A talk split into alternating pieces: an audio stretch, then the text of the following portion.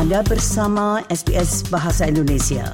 Dapatkan lebih banyak lagi cerita bagus di sbs.com.au garis miring Indonesia. SBS SBS SBS SBS SBS This is SBS Radio. Nah, untuk kali ini saya akan berbicara dengan Ketua Yayasan Javanese Diaspora Network Ngumpul ke Balung Pisah yaitu Bapak Indrata Kusuma Priyadi. Terima kasih sekali Pak Indrata. Terima kasih, Mbak Asri. Jadi Pak Indrata, ini namanya itu waduh, sepanjang Sungai Mahakam itu Bapak. Iya, Ya. karena memang ngumpul ke Balung Bisa itu yang gerengnya di situ dan kita Japanese Diaspora Network karena kita orang-orang keturunan Jawa dan orang-orang yang connect dengan rasa dan eh, jiwanya Jawa. Nah, dengan primordial, dengan etnis dan yang lainnya gitu. jadi Siap. itu maksudnya pendirian yayasan tersebut. Ya. Selain untuk wadah itu tadi, apakah ada tujuan-tujuan lain itu, Pak Indra? Ya, ini sih. Sebenarnya gerakan kami itu gerakan sosial kita ya. Masyarakat ini berawalnya itu cuma ketika saya juga merasakan berdiaspora seperti eh, teman-teman semuanya. Saya dulu di Amerika tiga tahun, Kanada lima tahun. Dua, ini ceritanya eh, dari ide gerakan movementnya berawal dari Facebook. Kemudian kita bikin Facebook 2007, bikin Facebook bertemu dengan yang saya waktu itu bikin di Kanada, ketemu dengan ternyata yang Malaysia, Singapura, Suriname bikin. Hanya kita, saya pulang ke Indonesia 2008, akhirnya kita bertemu lah di sana. Hanya seperti itu awalnya, dengan sosial media kita bertemu. Ternyata kita itu uh, punya kerinduan pada tanah leluhur, sehingga akhirnya kita berkumpul dan ternyata merasakan bahwa kita connect. Bahwa kita tuh meskipun tinggal di mana pun juga orang Jawa itu masih membawa gayanya. Bahkan kemarin tuh ada orang muda, Mas Francis Romo Winangun yang dari Belanda, umurnya 32, ketemu dengan Mbak Meta, sekretaris kami, yang dari Solo, ngobrol. Dia bilang, aku seneng awakmu neng ngomong bahasa Jawa kok orang kaya wong Londo. Ya gitulah. Jawa itu begitu ngomong bahasa Jawa ya udah, bentuknya ketahuan meskipun lahir besar di Belanda atau di mana pun juga. Itu uniknya kita, jadi ada connect-nya di situ. Ya. Itu ceritanya. Nah, Mas, itu untuk mengumpulkan balung pisah itu tadi, makanya sampai dengan saat sekarang itu kan sudah ada apa yang dinamakan Javanese Diaspora Event itu ya. ya, ya, nah, ya. ini sudah masuk ke lima ya, Mas ya, A- a- Ya, atau ya. Pak Indra. Kelima, jadi sebenarnya kan pertama adalah bulan Februari tahun 2014 itu sebenarnya kelanjutan dari kita kunjungan bulan Juli ke eh, Singapura Malaysia. Lalu kita kumpul Februari tahun 2014 satu setengah tahun kemudian kita bikin di Jogja eh, eh, Agustus tahun 2015 lalu dua tahun setelahnya tahun 2017 bulan Agustus kita bikin lagi yang ketiga.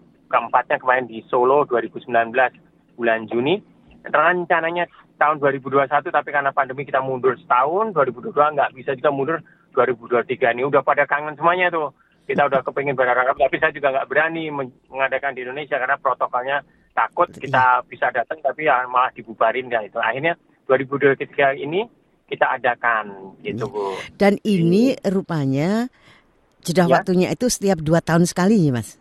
Iya, iya. Kita sepakati dua tahun sekali. Tahun sekali itu kecepatan. Iya, Kalau betul. empat tahun sekali ya kayak sekarang ini udah pada kangen.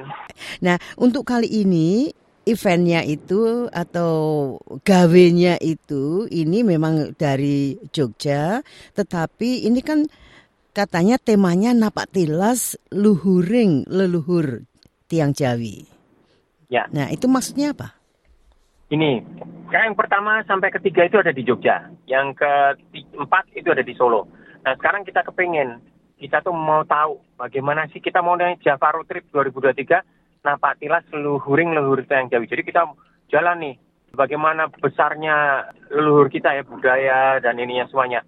Nah, Jadi perjalanan pertama di Borobudur, peninggalan abad 7 dari Wangsa Sailendra, lalu kita dilanjutkan ke Jogja, yang Mataram nih Mataram Jogja setahun sekian ya 15 sekian kemudian kita ke Solo di situ kan ada Mangkunegaran dan uh, Kasunanan. Kalau di Jogja Pakualaman dan Kasultanan itu abad 15 abad 16 ya. Nah kemudian kita dilanjutkan ke Ponorogo. Ini sebenarnya deviasi. Dulunya kita langsung mau ke Mojokerto tapi deviasi ke Ponorogo. Kenapa Ponorogo? Karena Bupati Ponorogo itu mau memberikan perangkat alat reok ponorogo yang salah satunya diberikan kepada masyarakat Australia, Melbourne ya. Tetapi ini kita kemudian karena yang komunitas kompon orang Jawanya banyak adalah di Malaysia, kalau dunia dan eh, Suriname, besok itu akan bupati menyerahkan pada tiga negara itu. Ini ada Wow. faktor historis, politis, dan psikologis. Kenapa politik historis ya? Masa lalu itu Ponorogo Reok itu emang dari Ponorogo. Psikologis, psikologisnya biar orang itu tahu kan dan orang Malaysia supaya jangan sampai terjadi eh, hal-hal yang tidak ini. Oh ini apa sih psikologisnya? Politis untuk menghilangkan nih. Selama ini kan Malaysia itu heboh nih dengan Indonesia nih. Ah, kita nunggu para pemer orang pemerintah, orang politisi ya bukan menjadi eh, concern mereka. Akhirnya Prioritas kita mau pertama. Iya. Ya, itu makanya kita ada reokis. Kemudian dilanjutkan ke Mojokerto karena itu kan peninggalan Majapahit, Trawulan dan semuanya itu ya peninggalan Majapahit.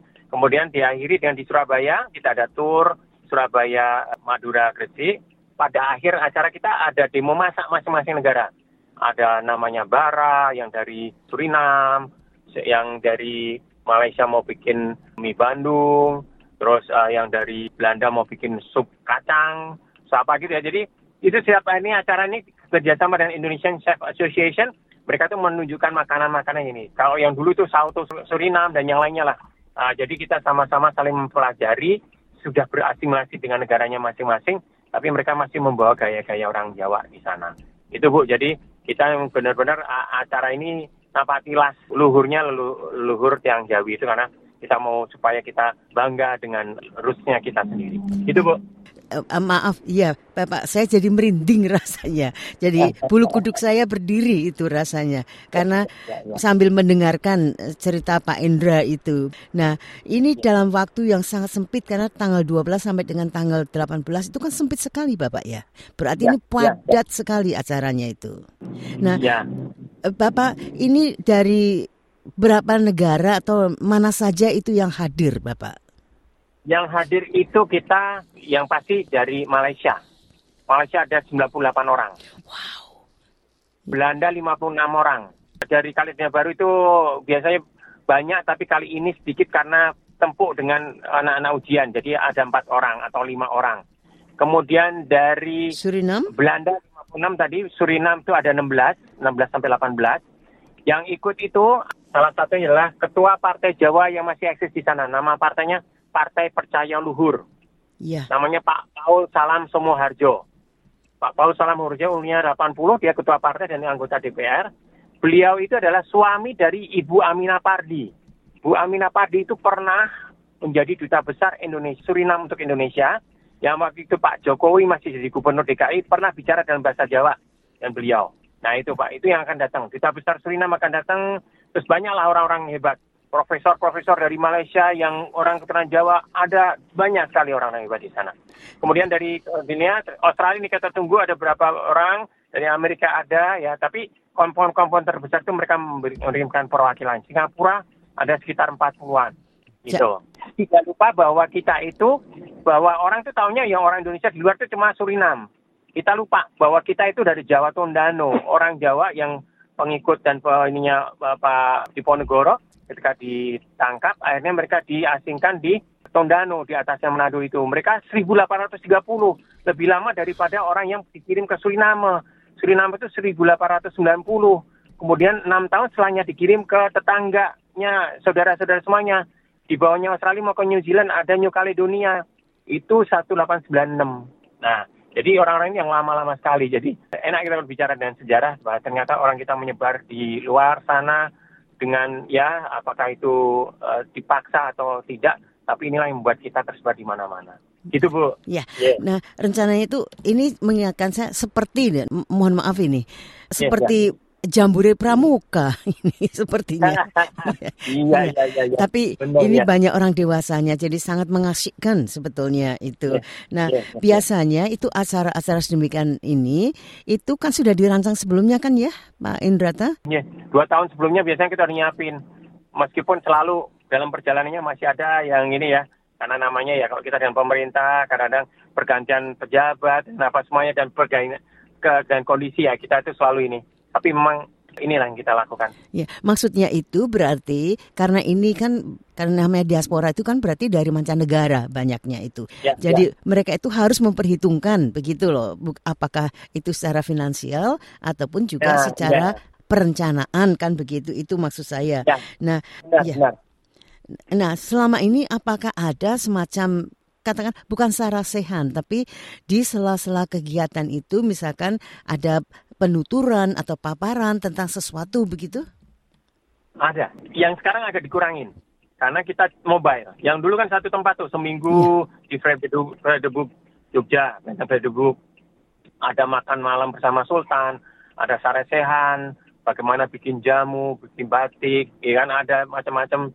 Dan ada juga pameran yang dari Kaledonia ini lo ngomong tentang orang Jawa di sini, Malaysia, Singapura seperti apa. Ada itu. Cuma memang sekarang itu kita batasi di depan dan di belakang saja pembukaan dan penutupan. Pembukaan ada di Hotel Manuhara di Borobudur, penutupan ada di, di Tunjungan, di sebuah hotel di Tunjungan. Karena nanti kecapean orang-orang untuk melihat itu, gitu. Tapi selalu ada pemaparan. Nah, untuk akomodasi itu ini memang sudah ditampung oleh panitia, artinya melalui panitia atau mereka itu harus eh, mengorganisir sendiri itu selama Ya, gini. perjalanan. Selama perjalanan kita hanya menanggung sebagian makan dan seperjalanan, bis dan yang lainnya. Dan untuk masuk ke tempat lokasi, beberapa tempat yang akan kita kunjungi. Kalau hotel, kita sudah ada hotel partner yang kita sudah minta special rate dari mereka. Itu, jadi memang hotel masing-masing karena ini bayarnya nggak mahal nih, 1,6 Ya, untuk selama bukan. seminggu Ya. perjalanan. Bukan maksud saya itu memang membayarnya harus masing-masing siapa yang akan mengikuti Ya, begitu ya. kan. Kalau Tetapi tapi kita sarankan misalnya di Surabaya daerah sekitar Tunjungan, di Jogja sekitar Malioboro, di Magelang sekitar Borobudur. Kita sudah koordinasi dengan mereka minta spesial itu. Jadi kita persilahkan pada para calon peserta untuk memilih karena ada keinginan masing-masing gitu. tempatnya itu. Ya, Nah, nah, maksud saya mereka yang a- datang itu biasanya eh, artinya itu sudah generasi yang keberapa begitu. Wah, generasi itu bisa dibilang ada yang generasi satu, ada yang generasi keempat. Jadi buyutnya ada yang canggahnya kan kita lihat aja kalau dari tahun 1830 atau 1890 kakek neneknya atau buyutnya ya 1830 berapa generasi anggap aja 40 40 40 ya. 40 kali berapa itu dari tahun 1890 uh, 200-an sekian ya. Nah, itu kan sudah berapa generasi? Rata-rata itu generasi 3 4 Karena sebagai orang Jawa itu Ya. saya sebagai diaspora Jawa ini saya baru pertama kali saya mendengar itu bahwa ada Oh. semacam eh, Javanese diaspora event itu misalnya. Oh, ya. Ya. Dan 2014 mulai kita mulai yang benar-benar ada acaranya di itu. Ya, alhamdulillah lah. Tapi paling nggak sudah tahu. Semoga untuk berikut-berikutnya atau bisa ada teman-teman yang di Australia nih masih ada waktu. Kan nggak jauh ya. Yuk kumpul dengan kita semuanya. Di situ ada Mas Iwan, Mbak Maria. Mbak Maria bisanya ke sini bulan Juli ya. Maria Alis dan yang lainnya lah. Nah, silakan kita komunikasi dan mungkin kalau sekarang nggak bisa kita bicarakan untuk dua tahun ke depan. Ya. Siapa tahu yang dari Australia ada itu perwakilan juga. memang itu yang saya maksudkan sehingga orang mendengar dan tertarik orang dapat ini. Pak Indra, Ya. sebetulnya apa sih tentang diaspora ini? Atau apa sih tentang budaya Jawa yang katakanlah menarik atau apa ya, pulling the heart of diaspora Gini, Bu. itu? Saya ini kan orang pariwisata biasa kuliah di NHI BPL Bandung dan kemarin kuliah lagi ngambil di UPI Universitas Pendidikan Indonesia ngambil manajemen resort and leisure. Itu ada istilahnya longing tourism, wisata kerinduan. Kalau buat saya bahasanya heritage pilgrimage. Orang-orang di Suriname, di Belanda itu mereka itu kayak orang Islam itu sekali seumur hidup bisa naik haji kalau punya duit. Mereka itu juga sangat militan seperti itu, kepingin nengok itu. Nah, kaitan ini kalau kita belum berdiaspora tidak akan merasakan. Bu Sri kangen nggak? Ketangan sudah nyoba makan tiwul apa di sawah gitu kan? Mungkin ada keinginan gitu. Kalau Bu waktu di Indonesia-nya daerah yang gitu. Tapi ini yang terjadi Bu. Apalagi kalau melihat sejarahnya orang-orang kita ini yang jauh ke Tondano, yang jauh ke Suriname atau ke Belanda mereka itu kan ada yang memang keinginan sendiri banyak itu yang digendam dihipnotis lagi di pasar umur 12 tahun ditarik dibawa naikin ke kapal di Semarang sana langsung dibawa ke Suriname yang jauh. Nah mereka itu nggak bisa mampu pulang lagi. Mereka tuh punya kerinduan. Dan kerinduan itu gedok tular dari nenek buyutnya turun ke anak-anaknya. Sampai ini salah satu contoh. Pak Yakim Asmowijo yang di Belanda itu dulu lahir di Surinam kan. Waktu itu Mbah Ranti, neneknya itu, sorry ya saya cerita ya. Monggo. Mbah Ranti itu pernah manggil dia waktu dia masih kecil. Yakim Reneo, aku ki wis mampu aku wis tuwa. Aku pujakne awakmu mengko saya doakan supaya nanti kamu kaya dan punya harta yang cukup untuk bisa ke mana-mana. Nanti kalau sudah cukup uangmu, tolong pilih ono, tolong Jenguk. lihatlah Iya. desaku, desa Cangkringan, Wow. Jawa Timur. Ya gitu kan. Akhirnya Mas Yakim itu kadang kemarin Oktober ke sini, sekarang akan datang lagi. Jadi dia sangat sangat ini sekali. Karena dari neneknya gitu kan oh, teringat dan mungkin kan namanya pikiran keinginan dari itu kan bisa ke bawah. Nah ini terjadi dan itu kepengen banget kalau ke sini wes aku ketemu wong ngomongku kabeh. Itu jadi kita tuh gerakan kita adalah gerakan bottom up dari sesama eh, komunitas saja akhirnya ke atas dan kita sangat merasakan. Jadi tugas saya yang sudah pulang ke Indonesia, saya itu pakai istilah ubiquitous assimilation. I absorb everything, anything, everywhere, everywhere. Oh, inilah di mana gitu lah. Jadi saya absorb apa pun. Mereka ngomong apa, oke kepengen ini, saya coba ini. Sehingga acara ini berkembang sesuai dengan permintaan mereka, bukan saya yang mau. Pembicaraan kita tuh selalu. Semalam kita baru meeting, ini, ini, ini. Makanya randonya ada yang dirubah dikit ini, ini. Karena saya, yang kebetulan saya lagi di Indonesia, untuk bisa membawakan mereka kepingin punya ketanganan dengan tanah leluhurnya, saya harus bisa membuat mereka semuanya paling tidak bisa mem- memenuhi semuanya, enggak bisa secara umum menyenangkan mereka semuanya. Gitu Bu. Jadi ini menjebatani Bapak ya, itu seolah-olah. Rosonya itu mereka itu dengan leluhurnya tadi, Iya. kerinduan itu. Nah, karena saya baru mendengar, eh, mungkin juga diaspora Sunda atau yang lainnya mungkin juga pernah mengadakan begitu. Tapi yang besar seperti ini itu memang diaspora Jawa sepertinya Iya. itu Bapak. Dan mudah-mudahan acara tersebut berjalan dengan lancar Bapak dan Amin. eh, nanti mungkin ada cerita-cerita yang menarik itu saya akan kembali menghubungi Pak Indrada. Ya. Sekali lagi salam diaspora Bapak. Kali ini Salam adalah diaspora. salam diaspora Jawa dan sukses untuk diaspora Jawa event itu. Selamat siang Bapak. Selamat siang.